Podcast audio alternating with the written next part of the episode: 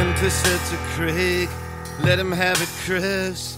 They still don't know today just what I meant by this.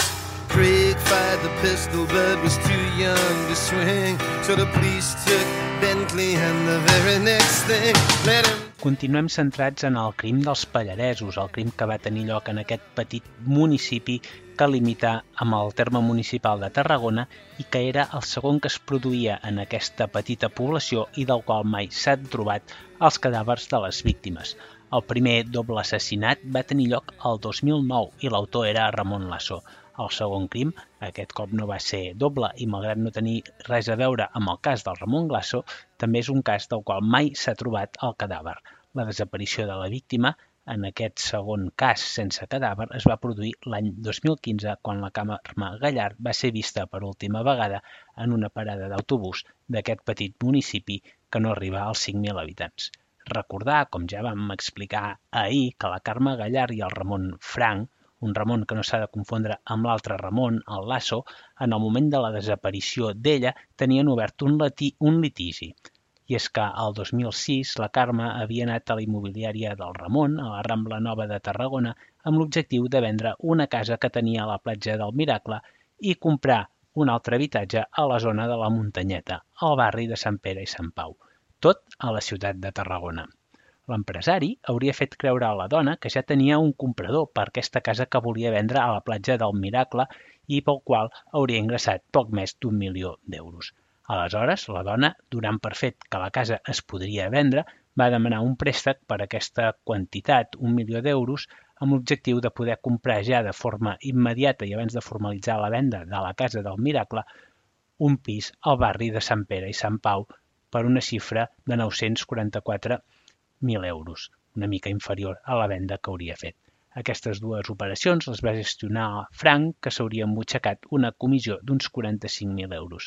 Però com que la primera operació, la de la suposada venda de la casa de la platja, va resultar ser una mentida, la dona no va poder comprar els diners que comptava ingressar per la seva venda i es va veure obligada a demanar un altre crèdit, en aquest cas de 60.000 euros, per pagar els interessos per la hipoteca que havia formalitzat de forma temporal per poder comprar el pis que volia comprar. Arran d'això, es va vendre, vendre una altra propietat que tenia en aquest cas a l'Ametlla de Mar per tal de poder pagar els deutes que li van comportar la no venda d'aquesta primera propietat per culpa de l'engany que li va fer l'agent immobiliari. I davant d'aquesta situació, la dona va decidir presentar una denúncia contra l'empresari, al qual li reclamava un milió d'euros, que era el milió d'euros pel qual havia contret el deute i, a més a més, pel qual no havia pogut ingressar perquè no havia pogut vendre la casa de la platja del Miracle. Però com ja sabem i hem comentat més d'un cop, la justícia no sempre és tan ràpida com es voldria i més en els casos en el qual el delicte no és ni de sang ni d'agressions.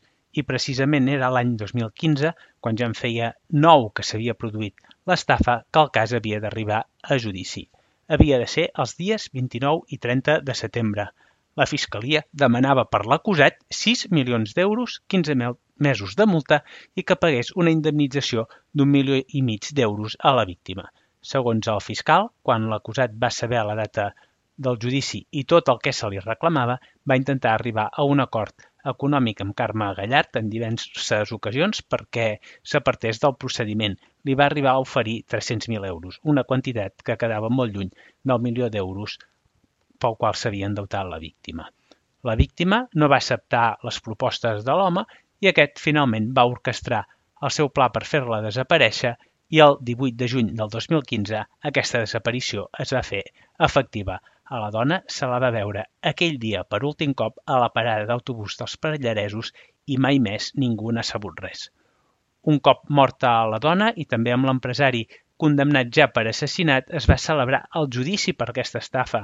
En el judici, l'any 2019, l'home va ser declarat culpable. Se li va imposar una condemna de 6 anys de presó per estafa. També ha d'indemnitzar amb 1.340.000 euros als hereus de la víctima i també va ser condemnat eh, condemnada vaja, a la companyia asseguradora a pagar la quantitat de 600.000 euros com a responsable civil subsidiària. Demà continuem amb el cas.